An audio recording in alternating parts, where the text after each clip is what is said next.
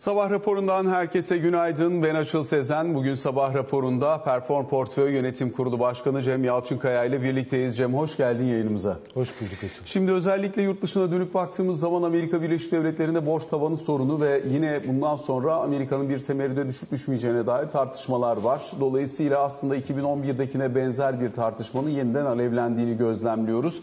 Burada borç tavanı yükseltilecek mi, yükseltilmeyecek mi? Yükseltilmeyecek olursa etkisi ne olacak? Kısa vadeli tahvil faizlerinde mevduatın para piyasası fonuna kaymasının ardından bir miktar bu çerçevede bunların fiyatlandığını görüyoruz. Amerika'nın CDS'inde de ciddi anlamda bir yükseliş var. Elbette Amerika'nın CDS ile diğerleri çok kıyaslanabilir durumda değil ama e, gerçekten de son dönemde burada bir anomali oluştuğunu anlamak lazım zannediyorum. Çünkü özellikle Amerika'da kısa vadeli faizlerin bulunduğu seviye 2011'de bulunduğu seviyeyle bayağı farklı. Dolayısıyla bir temerrüt riski bu çerçevede nasıl yönetilecek buna bakılıyor. Fed'in swaplar üzerinden ya da kısa vadeli bono alımları üzerinden çeşitli opsiyonları var elbette burayı yönetmek için ama piyasada kısa vadeli de olsa şu anda bir tartışma yarattığını yatsımamak lazım zannediyorum. Bir taraftan bu var. Diğer taraftan özellikle First Republic Bank'e diğer bankalardan ciddi anlamda kaynak ayrılması suretiyle, mevduat fark edilmesi suretiyle çıkışların önüne geçilmeye çalışılmıştı. Çıkışların önüne geçildi ama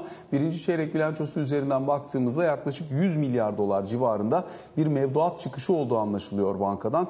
Dolayısıyla böyle bakınca e, oldukça ciddi bir problemle karşı karşıya kalındığını söyleyebiliriz. Bankanın hala o park edilmiş likiditeyle birlikte 50 e, milyar dolara yakın bir likiditesi var ama e, bazı farklı stratejik opsiyonları düşündüklerini de ifade ediyorlar. Yani büyük ihtimalle sahipliğinde kalmayacak gibi görünüyor banka. Dolayısıyla bankacılık krizi bitti bitiyor tartışması için yeni bir done daha var elimizde diyebiliriz. E, burada farklı bir çözüm gerekecek gibi duruyor. İçeriye dönüp baktığımızda ise özellikle içeride şu an itibariyle seçim satım halindeyiz. Az da bir süre kaldı. Dolayısıyla karşılıklı olarak hem iktidardan hem muhalefetten e, birçok beyan, birçok vaat geldiğini görüyoruz. E, son olarak hem ailelere yapılacak olan destekle ilgili olarak bir ekstra hem iktidarın hem muhalefetin söylemi hem ticari araçlarda yenilemelerde ÖTV'nin uygulanmayacağına dair dair haber akışı özellikle bütçe tarafı üzerinde ciddi bir tartışma olmaya devam ediyor. Diğer taraftan da özellikle kur meselesi bayram tatili bittikten sonra özellikle yine piyasa açısından önemli kalmaya devam ediyor gibi görünüyor. Özellikle alım satım marjlarının bankalar arası piyasada hiç açılmış olması, yine döviz piyasasında birden fazla fiyatın özellikle serbest piyasadaki marjın çok yükselmesi sonrasında bir kez daha tartışmalı hale gelmesi gibi unsurlar var. Bunları da belli ölçüde konuşacağız. Önce dönelim Amerika tarafını bir sorayım. Ne kadar tehdit var görüyorsun bu borç tavanı meselesinde?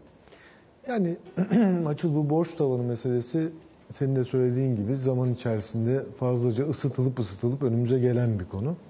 Tabii bu son dönemde bilançoda bir genişleme, borçlanmada bir artış, tekrar özellikle bankacılık tarafından gelen ve yine bir borç tavanına takılma söz konusu oldu. Ee, ben çok büyük bir problem olacağını düşünmüyorum. Yani Cumhuriyetçilerden bir teklif geliyor şimdi ve bu e, yani bence büyük bir Amerika için büyük bir sorun haline gelmez e, ve halledilir tarafı. Yani saydıkların içerisinde belki en az e, etkili olacak olan bu taraftır diye düşünüyorum. Tabi zaman içerisinde borçlanmayı azaltarak bir bilanço daraltması da söz konusu olacak. Artık habire borç tavanına takılma konusunu biraz e, aslında biraz bilançoyu daraltmaya doğru çevirecektir diye de düşünüyorum e, Amerika Birleşik Devletleri'nin. Dolayısıyla bu tarafta çok büyük sorun olacağını zannetmiyorum. Ama söylediklerin arasında tabii çok önemli konular var. E, bir tanesi aslında bir tarafta piyasalar e, artık faiz artışının sonuna geliyoruz. 25 bas puan daha bir artış olur işte %60-65 oylanıyor. Ondan sonra da kalır 5-25 seviyesinde e, Federal Reserve'in politika faizi tarafını oyluyorlar. E, şimdi böyle olduğu zaman bunun da iki yansıması var. Bir faiz yükselmiş durumda tamam. E, ekonomi biraz daralıyor. Hatta ilk defa ılımlı resesyon ihtimaline değindi biliyorsun. FED tarafındaki açıklamalarda değinildi. Dolayısıyla ılımlı resesyon olacak ama artık faiz artmayacak. Dolayısıyla bundan sonrası için borsalar için veya riskli varlıklar için diyelim daha olumlu bir havaya geçecek diye düşünenler var. Ama diğer taraftan ılımlı resesyon borsalar ve riskli varlıklar için negatif etki eder. Bu belki de daha derin bir resesyona dönüşür diye korkanlar var. Dolayısıyla riskli varlıklar bu arada gidip geliyor. Bunu gözlemliyoruz.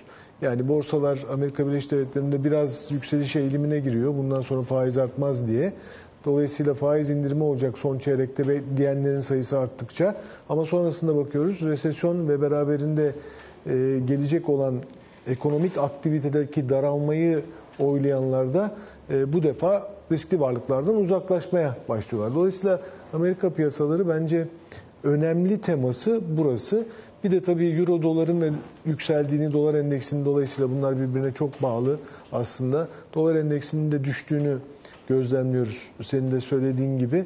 Burada da aslında euro bölgesinde faiz artışının devam edeceği çok sağlam bir biçimde söyleniyor ve arkasında duruluyor. Enflasyon da buna cevaz veriyor. Bir tarafta da faiz artırımının artık sonuna gelindiği beklentisi hakim. Dolayısıyla Euro'nun da dolara karşı güçlendiğini, dolar endeksinin de biraz gevşediğini görüyoruz. Bu devam edebilir mi diye sorayım. Çünkü 1.10.50'lere kadar geldi euro dolar. Özellikle son dönemde Avrupa Merkez Bankası'ndan daha barı çok fazla duyduğumuz için ve bankacılık krizine ilişkin kaygılar da nispi olarak şu anda biraz daha geride kaldığı için e, sanki orada bir iki faiz artırımı tartışması daha olacak gibi duruyor. Zaten hani bu toplantıda zaten %75 civarında bir faiz artırımı 50 bas puanlık faiz artırımı fiyatlanıyor. Fakat sonrası için de beklenti hala güç, e, güçlü ve canlı kalmaya devam ediyor. O zaman euro daha yukarı gitme potansiyeli barındırır mı? Bence var biraz daha açıl. Yani benim şöyle bir bandım vardı. Sene başından beri tekrarladığım, seninle de konuştuğumuz. 1.06-1.16 arasında hareket edecek e, diye düşünüyorum.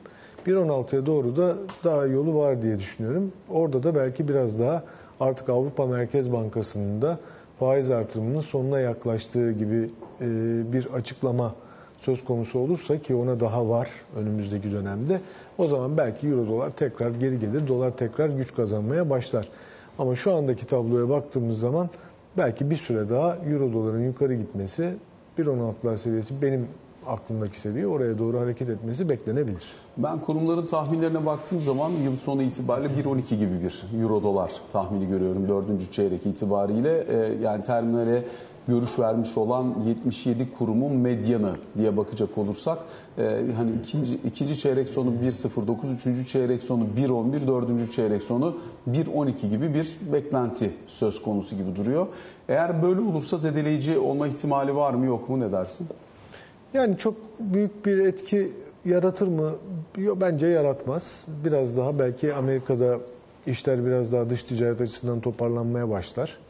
Ee, çok büyük bir etkisi olacağını zannetmiyorum. 1.16'ya giden bir euro doların veya dolar endeksindeki bir miktar daha gevşemenin. Bu First Republic Bank ile ilgili e, yaşanan gelişmeyi ne kadar tehdit var bulursun diyeyim. Çünkü aslında gelişme değil, geçmişin hani şu anda faturasını net olarak görüyoruz ama 100 milyar dolar tek bir bankadan çıkış. Tabii çok önemli. Ee, Best Republic aralarındaki aslında en e, büyük e, bankaydı. Silicon Valley'den sonra ama yine de açık baktığımız zaman yine de e, oradan gelen açıklamalar da benim de gözlemleyebildiğim kadarıyla çok fazla yaygınlık göstermedi. Büyük bankalara da etki etmedi. O faizdeki artış dönemi, o faiz artışı dönemindeki aslında büyük zararlar Best Republic'e de, Silicon Valley'e de, Signature'a da etki eden olaylardı. Şimdi biraz daha faizlerin hafif geri geldiğini görüyoruz. Kısa vadeli faizler yüksek gitmesine rağmen. Yani orada artık 6 aylıklar, 3 aylıklar baktığın zaman Amerika Birleşik Devletleri'nde 5'lere yakın seyrediyor. 5'lerin biraz üstüne bile geçiyor zaman içerisinde. Bu faiz artışı zaten bu bankaları sıkıntıya sokmuştu. Ama şimdi görüyoruz ki bu faizlerde ılımlı bir seyir var. Ve yayılmadan da işte en son Best Republic adı geçen Best Republic'le de limitli kaldığını düşünüyorum ki Best Republic farklı seçenekleri değerlendiriyor. Biraz evvel senin de söylediğin. E, aslında orada da belki bir birleşme satın alma bir şeyle bu işin çözülebileceğini düşünüyorum şimdilik. Peki buradan geçelim istersen bir miktar e, içerideki tabloya da bakalım. Çünkü içeride seçime doğru gidiyoruz. Sonuç itibariyle elbette her seçim döneminde olduğu gibi vaatler havada uçuşuyor. E, çeşitli düzenlemeler, çeşitli uygulamalar var. Ee, özellikle seçim sonrasına ilişkin hani çok da bir şey kalmadı gerçekten. Şurada 20 günlük bir süre var. Dolayısıyla seçim sonrasına ilişkin bakış açında seninle daha önce yaptığımız programlarla bugün arasında bir farklılaşma var mı? Yani şöyle yok ama kısaca şunu söyleyeyim. Tabii popülist açıklamalar son seçimlerde, son dönemde yapılan seçimlerde hiç bu kadar yükselmemişti. Yani bu açıklamalar açıkçası dışarıdan baktığın zaman biraz e, fazla gibi duruyor. E, dolayısıyla seçim yani seçim sonrasında ilişkin seninle detaylı analiz yapmıştık daha önce de. Dolayısıyla burada önemli olan şeyin aslında şimdi Merkez Bankası da var gündemde belki sonradan soracaksın ama hani ben hep seninle konuşurken söylediğim bu merkez bankalarının 3C'si ekonomi 101 işte clarity, credibility, consistency yani baktığın zaman e, şeffaflık olması lazım, güvenilirlik olması lazım ve öngörülebilirlik ve tutarlık olması lazım.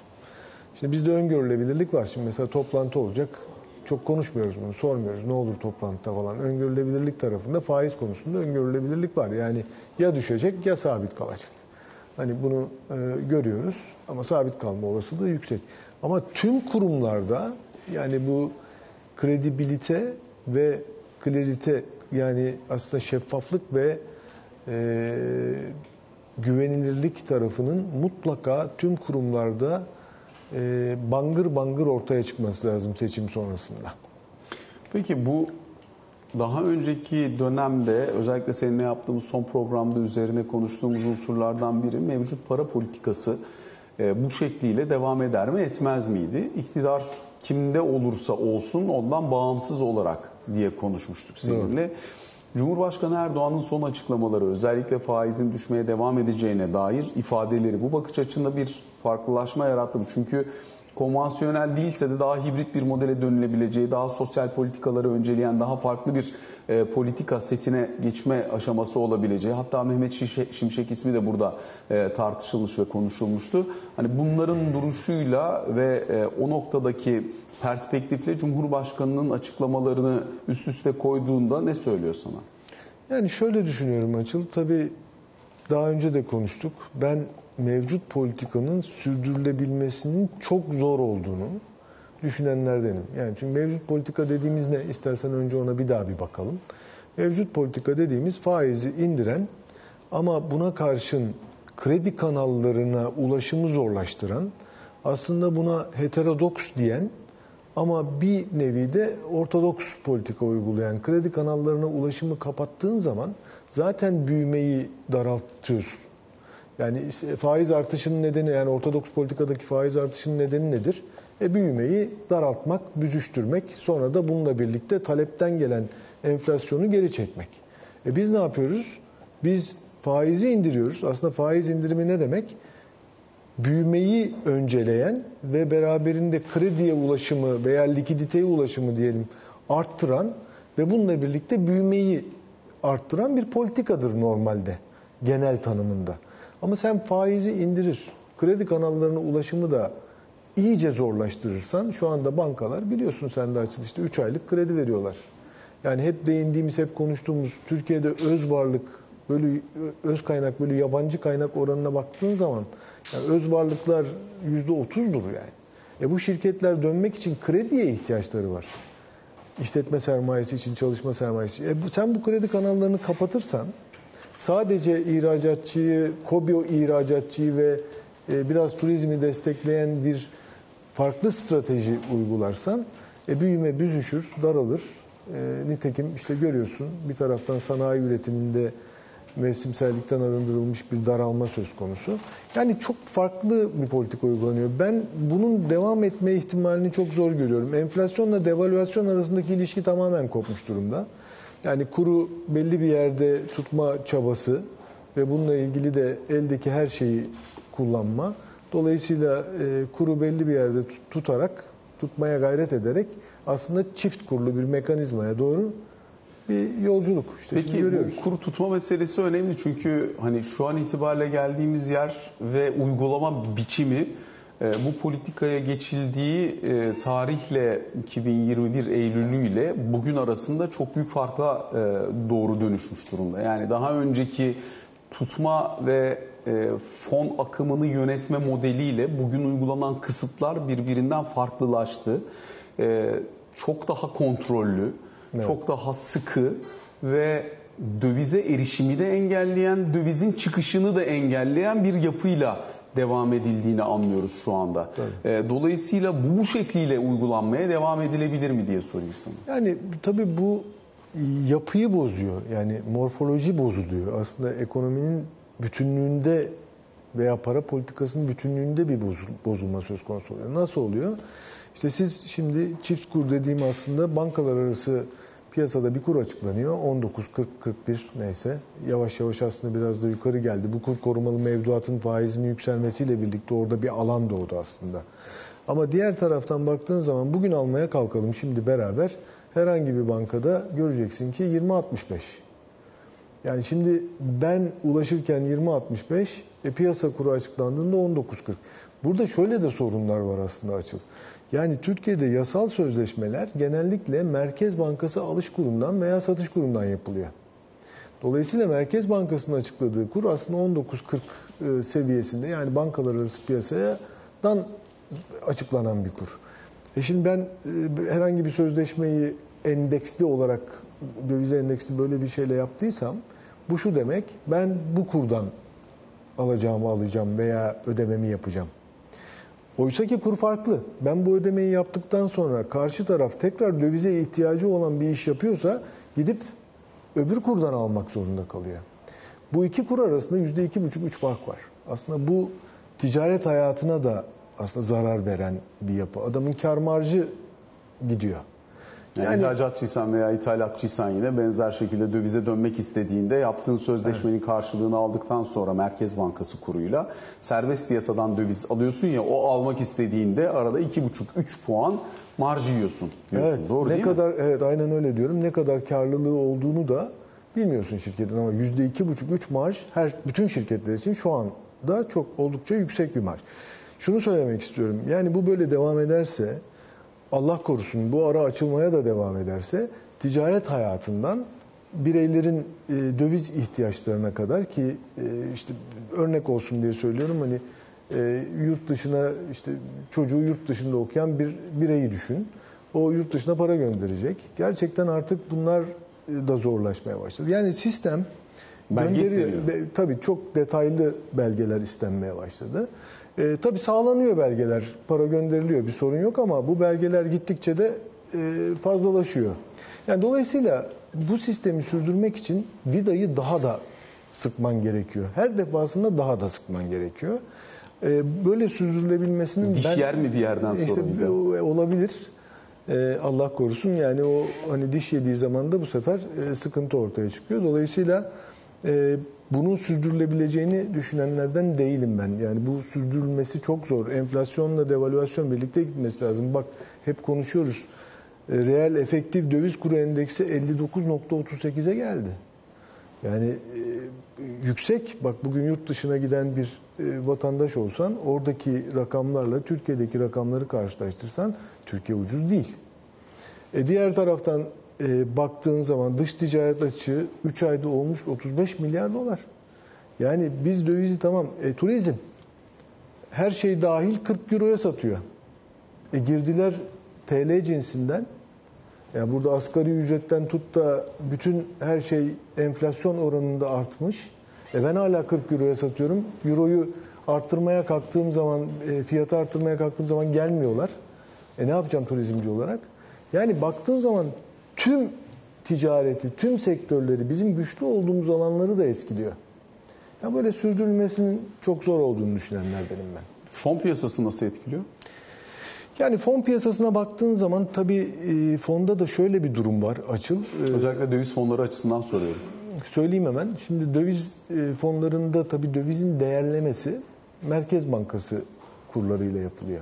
Orada da bir şey var aslında. Yani 20-65 e, e, kur seviyesinde örnek olsun diye söylüyorum. Bu de, devamlı değişiyor tabii. Ama fonlarda değerlenen döviz işte 19-40'tan değerleniyorsa orada da bir e, aslında bir farklılık var. Yani dolayısıyla birçok yere yansımış olan bir e, döviz fiyat farklılığı söz konusu. Peki bu e, dedi yani sürdürülebilir olduğunu düşünmüyorum bu sistemin diye. O zaman ne olmasını bekliyorsun seçim sonrasında? Yani olması gereken yani bence... Olması evet. gereken ayrı ama bu yöntemle devam edilecek ya da bir yerden sonra bir yumuşama sağlanacaksa onun yöntemi nedir? Şimdi ben şöyle söyleyeyim açık ben tabii bu kadar para politikası açısından eleştirilerde hepimiz bulunuyoruz. Eleştiride bulunmak da işin aslında biraz daha doğasında bizim gibi ekonomistlerin doğasında da var. Fakat Türkiye'nin önünde aslında daha önceki e, yayında konuştuğumuz gibi çok önemli fırsatlar da olduğunu düşünüyorum açık. Yani daha önce biraz ekopolitikten bahsetmiştik. Politika bizim işimiz değil, siyaset bizim işimiz değil, ekonomi bizim işimiz ama şundan bahsetmiştik. Yani bir dünyada bu küreselleşme, küreselleşme aslında ben halay çekme diye tanımlıyordum hep. İşte Rusya Ukrayna'dan sonra e, lokalleşme yani ben kendim de bir şeyler üretmeliyim, her şeyi içine bırakmışım. Dolayısıyla kendi içimde de bir şeyler üretmeliyime dönüş. Buna döndüğünde enflasyon tabii ki pandemiden çıkışta enflasyonda patlama çok doğaldır bu. Bu arada yani Amerika Birleşik Devletleri'ni düşünsene artık Çin'den aldığı malların bir kısmını kendi üretmeye kalksa enflasyon inanılmaz yapışkan hale gelir. Sonra bir kutuplaşmaya doğru dönmeye başladı. Yani bir tarafta işte Rusya, Çin, araya giren Suudi Arabistan şaşırtan aslında herkesi biraz da. Yani Suudi Arabistan, e, bu tarafta Amerika Birleşik Devletleri, Avrupa Birliği, İngiltere, Kanada tarafı yürüyor. Yani bu, bu kutuplaşma içinde aslında e, lokalleşmeden ziyade kutuplaşmaya dönen bir yapı içinde Türkiye çok önemli bir rol üstlenebilir.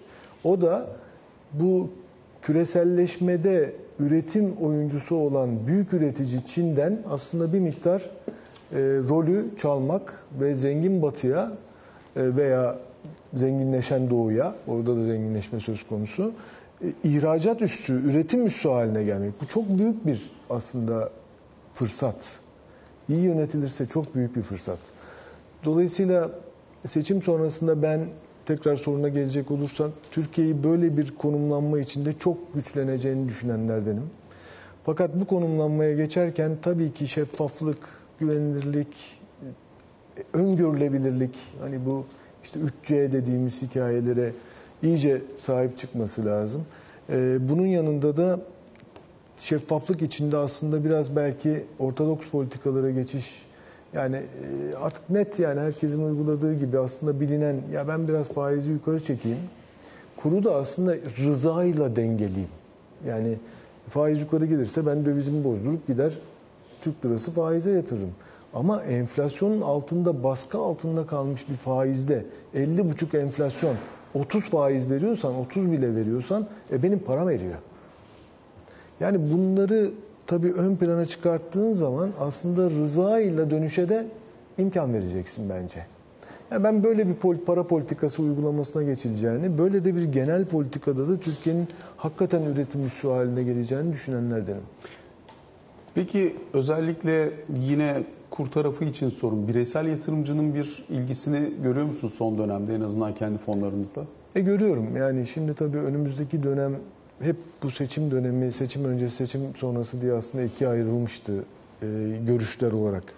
Şimdi de tabii seçim sonrası dönemdeki belirsizlik veya kurun işte biraz evvel konuştuk 59.38 seviyesinde olan e, reel efektif kur endeksi diğer taraftan dış ticaret açığı yani kurun aslında enflasyonun çok altında kaldığı matematiksel olarak da ispatlanabilir bir e, sonuç olduğu için tabii yatırımcı kurda bir atağı öncele, önceliyor bence. Yani burada bir kur hata olma ihtimalini daha yüksek görüyor. Bu yönde hareketlenmeleri gözlemliyoruz evet. Peki yine önemli konulardan bir tanesi e, burada bundan sonraki süreç açısından alternatif olarak görülen diğer yatırım enstrümanlarının nasıl performans göstereceği. Faizler 30'lar civarında. E, işte kur tarafında bir miktar hareketlilik var. Yatırımcının bir kısmı buraya döndü. KKM faizleri ciddi anlamda yükseldi. E, dolayısıyla aslında faiz getirisi bir alternatif getiri olarak yatırımcının önünde borsanın böyle çok bir yere gitmeden sürüklenmeye devam etmesinin bir bant içerisinde sebebi biraz da bu olabilir mi? Ben bu arada borsanın bir bant içinde sürüklenmesini çok başarılı görüyorum. Yani aslında seçime giden bir yapıda riskli varlıklardan uzaklaşmak genel stratejidir. Fakat şu anda bu stratejinin uygulanmadığını ve başarılı bir şekilde gittiğini görüyorum. Çünkü seçim sonrasında bir fırsat oluşabilir borsa tarafında. Bunu daha önce de aslında birçok yorumcu da e, söylemişti. Dolayısıyla burada bir fırsatın oluşması söz konusu olabilir. Kur korumalı mevduata yine değineceğim. Açıl değinmeden geçemeyeceğim. Bence bugün bu politikanın sürdürülebilmesinin en büyük nedeni kur korumalı mevduattır. Yani bugün 90 milyar dolarların üzerine çıkmış, 91 milyar dolarların üzerine çıkmış bir kur korumalı mevduat portföyü var Bu portföyün devam etmesi tabi bu arada kurdaki atağı engelleyen veya devalüasyon enflasyon arasındaki farkı tutan bir neden de bu. Çünkü burada önemli bir e, yükseliş kurda söz konusu olursa burada Hazine ve Merkez Bankası'nın yükü artacak. Onu biliyoruz. Zaten bütçe açığı da 250 milyar Türk lirasına ulaşmış durumda. 3 aylık baktığın zaman. Yani dolayısıyla burada bu riskler birbirinin içine girmiş durumda. O yüzden de rahat hareketi engelleyen bir mekanizma ama bugüne kadar kuruda tutan mekanizma kur korumalı mevduat.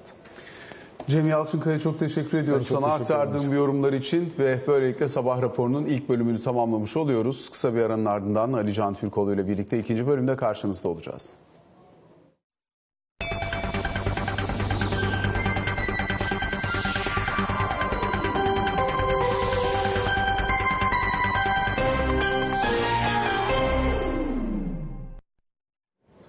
Sabah raporunun ikinci bölümünde Ali Can Türkoğlu ile birlikteyiz. Ali Can günaydın. Günaydın.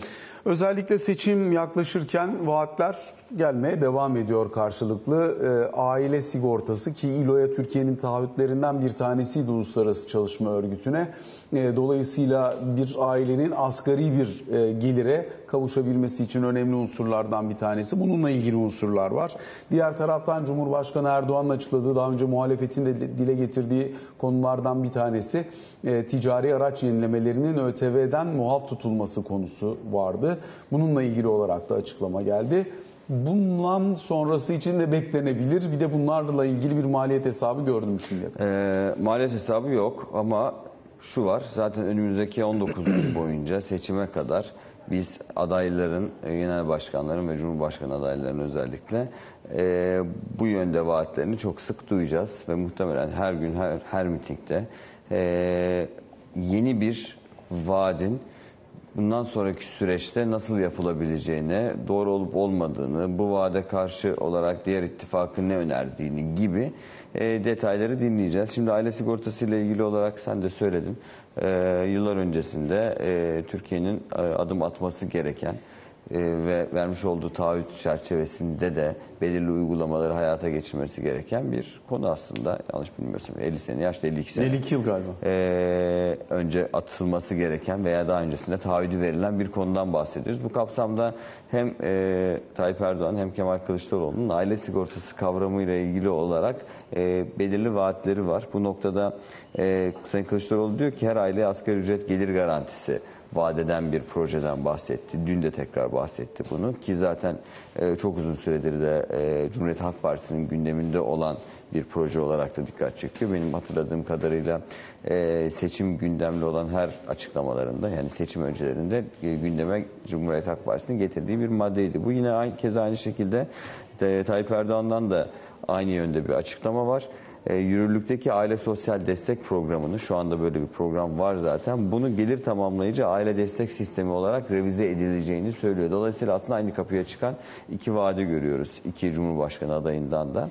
Bu kapsamda 14 Mayıs'tan sonra aile sigortası kavramının tam olarak istenildiği şekilde devreye girebileceğini söyleyebiliriz. Ancak diğer konular birbirlerinden farklı.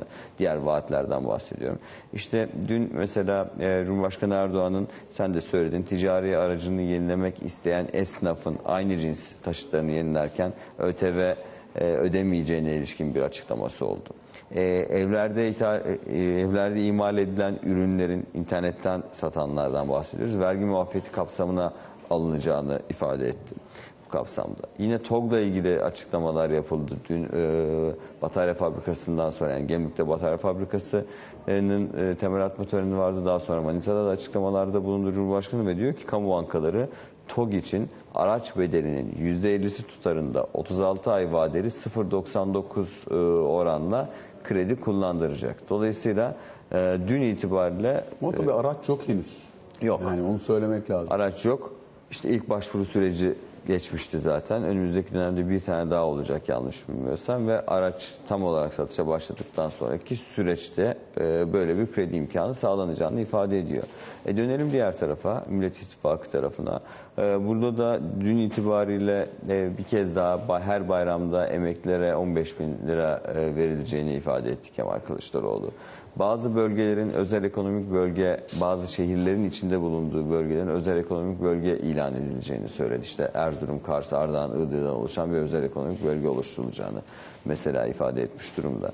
Ee, işte Türkiye'deki Suriyelilerin iki yıl içinde ülkelerine geri gideceği, kayyum uygulamasına son verileceği, e, Çankaya Köşkü'ne yönelik yapmış olduğu bir vurgu var. Yani aslında şunu söylemeye çalışıyorum. Biz önümüzdeki günlerde de muhtemelen bugünkü mitinglerde de bu olacak. Çünkü çok yoğun bir miting programı var. Ee, hem Cumhurbaşkanı adaylarının hem de ittifak içerisinde bulunan diğer siyasi partilerin genel başkanlarını. Ee, en az iki ilde miting yapıyor liderler. Önümüzdeki 19 günü e, efektif kullanmak açısından.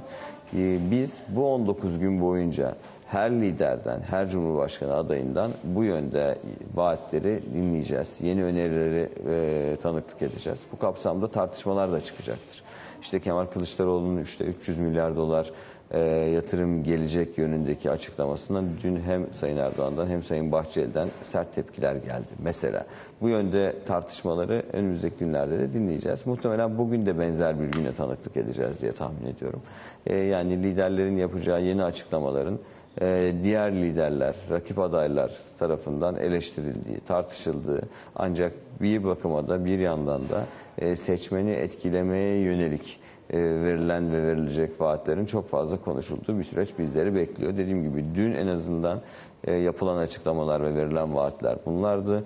Bugün bunla, bunların dışında bunlar da tekrar edilecektir ama yeni ne gibi değerlendirmeler ve açıklamalar gelecek göreceğiz. Çünkü en az iki ilde dediğim gibi liderlerin miting programları var yine. Alican teşekkür ediyoruz sana aktardığın bu notlar için. Böylelikle sabah raporuna bugün için son noktayı koymuş oluyoruz. Hoşçakalın.